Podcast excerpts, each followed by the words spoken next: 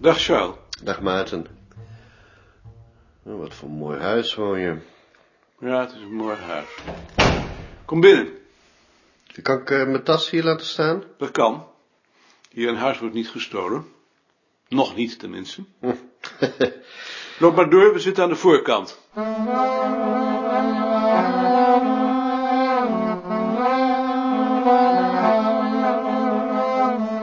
Ik ben blij dat je me meteen kon ontvangen. Hoe gauwer dit de wereld uit is, hoe beter. Wat een prachtige ruimte. Dat is omdat hij precies vierkant is. Nicoline is er niet. Wil je een kop thee? Graag. Je kunt gaan zitten waar je wilt. Maar niet meer dan één, want eh, ik heb al thee gehad. Wil je melk en suiker? Van allebei een beetje graag. Van allebei een beetje. Dank je. Het is allemaal een beetje vervelend gelopen, donderdag. Dat zei je al, ja. Kijk, als ik geweten had dat je er was, had ik je zeker uitgenodigd, maar ik hoorde het pas toen je al verdwenen was. Ik had al eerder te kennen gegeven dat ik er graag bij zou zijn als iemand van de afdeling wegging. Oh, daar wist ik niks van. Toch niet aan mij? Nee, aan Ad. Toen Dini ineens bleek weg te zijn. Ik was er graag bij geweest en toen heb ik Ad gevraagd me een volgende keer te waarschuwen. Oh, dat geweten had, dan zou ik je zeker hebben uitgenodigd. Misschien had ik het ook tegen jou moeten zeggen. Maar dat is achteraf. Oh, vind ik wel heel jammer. Betreur het heel erg. Ik vond het ook gek dat jullie me toen niet uit jezelf hebt uitgenodigd. Omdat ik verantwoordelijk ben geweest voor haar aanstelling. Ik had haar in het vooruitzicht gesteld dat ze tot haar fut kon blijven. En nu dat om een of andere reden niet doorging, kon het net lijken of ik me drukte. Dat ging ook allemaal ineens zo snel. Er was plotseling die mogelijkheid en toen was het binnen een maand bekeken. Maar dan nog. Als iemand met zo'n faalangst als Dini aan de dijk wordt gezet, dan moet je laten merken dat je je betrokken voelt. Maar ze is niet aan de dijk gezet. Met alle egaars van dien dan. Ze heeft er zelf voor gekozen. Ik heb er nog met haar over gepraat. Ze was erg opgelucht dat ze onder de druk van het produceren uit was. Het gaat nu heel goed met haar. Des te beter, maar ik was er toch graag bij geweest. Daar zullen we natuurlijk een volgende keer rekening mee houden. De eerstvolgende is Ad. Zo over tien of vijftien jaar. Ach, maar voor die tijd zien we je toch wel weer. Als ze nou niet meer kwam, dan zou iedereen dat echt heel vervelend vinden. Dan zal Ad me toch eerst moeten uitleggen waarom hij mijn verzoek genegeerd heeft. Dat zal hij ook doen. Hij schrijft je een brief. Zal ik verzorgen. Dan wacht ik dat eerst maar af.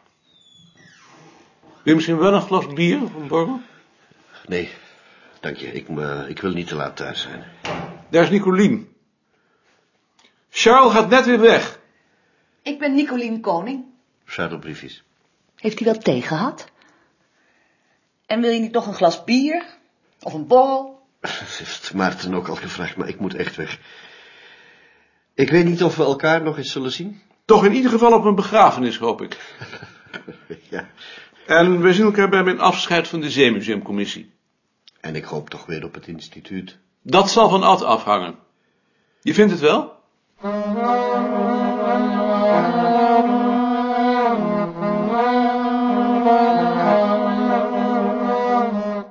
Dat was dus Charles Briefies. Wat een vreselijke man. Wat een ontzettend slap gezicht. Misschien door die baard?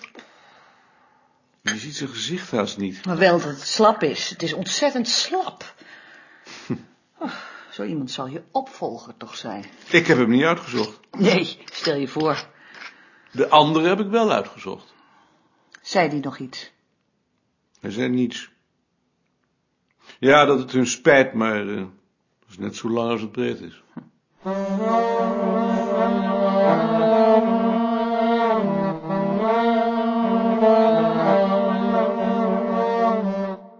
Maarten, het wordt mij langzamerhand steeds duidelijker dat je het mij ernstig kwalijk neemt dat ik jou niet heb gevraagd aanwezig te zijn bij het afscheid van Eve. Ik denk dat het goed is dat ik daarom even mijn standpunt toelicht. Toen je een tijdje geleden tegen mij opmerkte dat je wel bij het afscheid van Dini Jetsis aanwezig had willen zijn, was ik daar zeer verbaasd over, kan ik me herinneren. Hoewel we volgens mij niet lang bij stilgestaan hebben, moet je toch wel iets van die verbazing hebben gemerkt. Later schoot me jouw opmerking nog wel eens in gedachten, waarbij ik het steeds wat vreemd bleef vinden dat je bij een dergelijke happening erbij wilde zijn. Dat ik bij het afscheid van Dini niet aan jou heb gedacht, is natuurlijk ook geen vergeetachtigheid van mij, maar komt doordat ik er als vanzelfsprekend van uit ben gegaan dat jij als oud hoofd van de afdeling bij dergelijke happenings niet aanwezig behoort te zijn. Ook jouw opmerking heeft mij niet tot andere gedachten gebracht, integendeel. Ik vind het ronduit verkeerd dat je bij deze bijeenkomsten van de afdeling aanwezig bent. Bij het afscheid van Eve is het wederom niet in mijn hoofd opgekomen dat jij daarbij zou moeten of willen zijn. Dit afscheid heeft trouwens in mijn visie plaatsgevonden op de afdelingsvergadering van juni. Ik heb toen niemand over jouw afwezigheid een opmerking horen maken. Eve zou nog een cadeautje krijgen later. Toevallig hoorde ik vorige week dat een paar mensen op de afdeling het erover hadden of jij wel of niet zou moeten worden uitgenodigd om aanwezig te zijn bij de overhandiging van dat cadeautje. Men vroeg mij toen wat ik ervan vond. Ik heb toen als mijn mening gegeven dat ik dat niet een goede zaak vond. Ik heb toen ook melding gemaakt van jouw opmerking destijds over het afscheid van Dini. Op de vraag waarom ik dat dan vond, heb ik gezegd dat ik gezien de geringe omvang van de afdeling en het intieme karakter van de happening, jouw aanwezigheid niet goed vind. En bovendien tegenover het nieuwe hoofd niet helemaal goed vind. Bij een wat meer openbare happening zou jij de eerste zijn aan wie ik zou denken. En dan de dag van de aanbieding van het cadeau.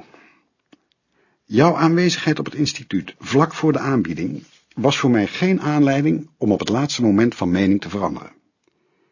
De kwestie is nog eens in de afdelingsvergadering aangekaart.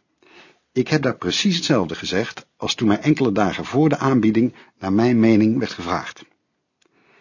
De reden waarom ik er in principe tegen ben dat een oud hoofd bij dergelijke kleine bijeenkomsten aanwezig is, is dat zijn aanwezigheid een duidelijke invloed heeft op het karakter van de bijeenkomst.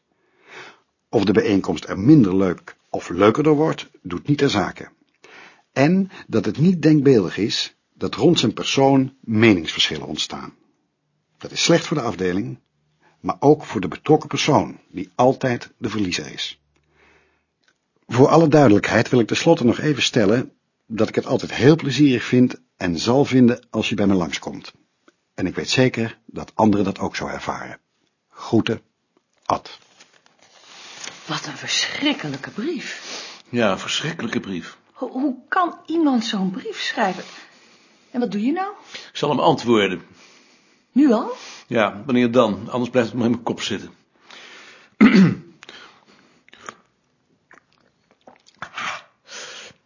Beste Ad. Ad. Ad. Als je mijn aanwezigheid ongewenst vond, had je me daarover moeten aanspreken. En je had bovendien uit loyaliteit mijn wens aan Eve moeten voorleggen, omdat het tenslotte zijn afscheid was. Zijn antwoord ken ik. Dat ik zo emotioneel reageer, bewijst hoe ik aan jullie gehecht was. Je kunt dat aardig, eigenaardig of idioot vinden. Je harteloze, vijandige reactie laat over jouw oordeel in ieder geval geen twijfel bestaan. In het voetballen, waaraan ik, zoals je weet, mijn voorbeelden graag ontleen als ik behoefte heb aan een understatement, noemen ze dat natrappen. Onbegrijpelijk. Althans voor mij, Maarten. Maarten. Ja, dat is goed. Wat zou Heidi hier nou van vinden? Die krijgt hem niet eens te lezen. Hij bracht de brief naar het bureau en stopte hem in de bus. Daarna liep hij door naar de Amstel. Hij was uitgeput en tot in het diepst van zijn ziel verslagen. Het leek of het leven door dit incident alle glans verloren had. Hij zette zich op een bank bij de magere brug en keek naar de rivier, zonder iets in zich op te nemen. Beste Maarten, als jij stelt dat ik van tevoren op de hoogte was van jouw wens en dus die wens aan Eve had moeten overbrengen, of jou had moeten aanspreken indien enzovoorts, dan kan ik je niet meer volgen. Kennelijk beoordelen we de situatie nogal verschillend. Daar komt dan nog het meer principiële verschil van inzicht over je aanwezigheid bij dergelijke gelegenheden bij. Ik zal mijn standpunten niet nog weer uitwerken. Ik denk dat dat geen zin heeft en jou alleen maar kwetst. Wat ik wel een beetje jammer vind, is dat je aan dat natrappen geen weerstand hebt kunnen bieden. Ik schat het op een rode kaart. Groeten. Ad.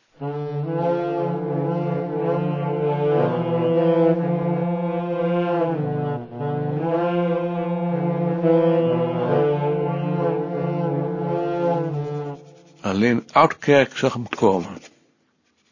In de koffieruimte zaten al wel wat mensen, maar hij slaagt erin onopgemerkt de deur naar de kelder in te glippen. De deur van de kluis stond open, het licht was aan. Hij opende een van zijn kluisjes, haalde de ijzeren doos eruit en ging ermee op de grond zitten. Terwijl hij daar zat te bladeren in zijn dagboekschriften, zoekend naar het schrift dat hij nodig had, hoorde hij plotseling achter in de kluis, door een stapel dozen met vragenlijsten aan zijn zicht onttrokken, iemand op een schrijfmachine tikken. Korte, harde tikken met kleine tussenpozen. Het geluid had iets vertrouwds. Waarschijnlijk een studentassistent van volkstaal die de opdracht had het archief in de kluis te ordenen. Toen hij de doos weer terugschoof en een tweede doos uit de kluis daaronder haalde, schuurde deze bij het neerzetten over de cementen vloer. Het tikken hield abrupt op. Hij doorzocht de doos, vond het schrift, legde het opzij en sloot haar weer. Hé, hey, dag Maarten. Hé, hey, Bart! Nou, Zit jij hier? ja, Ik dacht dat je altijd onder de trap zat. daar zat ik vroeger, maar hier is het rustiger. En het eh, licht is ook beter. Ideaal. Waar ben je op het ogenblik mee bezig? Ik breng wat oude aantekeningen op fiches voor het kaartsysteem. Kom je nog wel eens boven? Nou, Van tijd tot tijd. Jij niet? Mij is te kennen gegeven dat ik niet meer welkom ben. Ik denk dat ik te overheersend ben geweest en dat een aantal van hen daar een wrok van heeft overgehouden. Maar zo gaat dat. Zo is mijn vader ook gegaan. Anders wel gek, hè? Twee mensen die hier het langst zijn zitten in de kelder, een soort bouwoffer. Ja, warempel. Ja, zo heb ik het nog niet eens bekeken.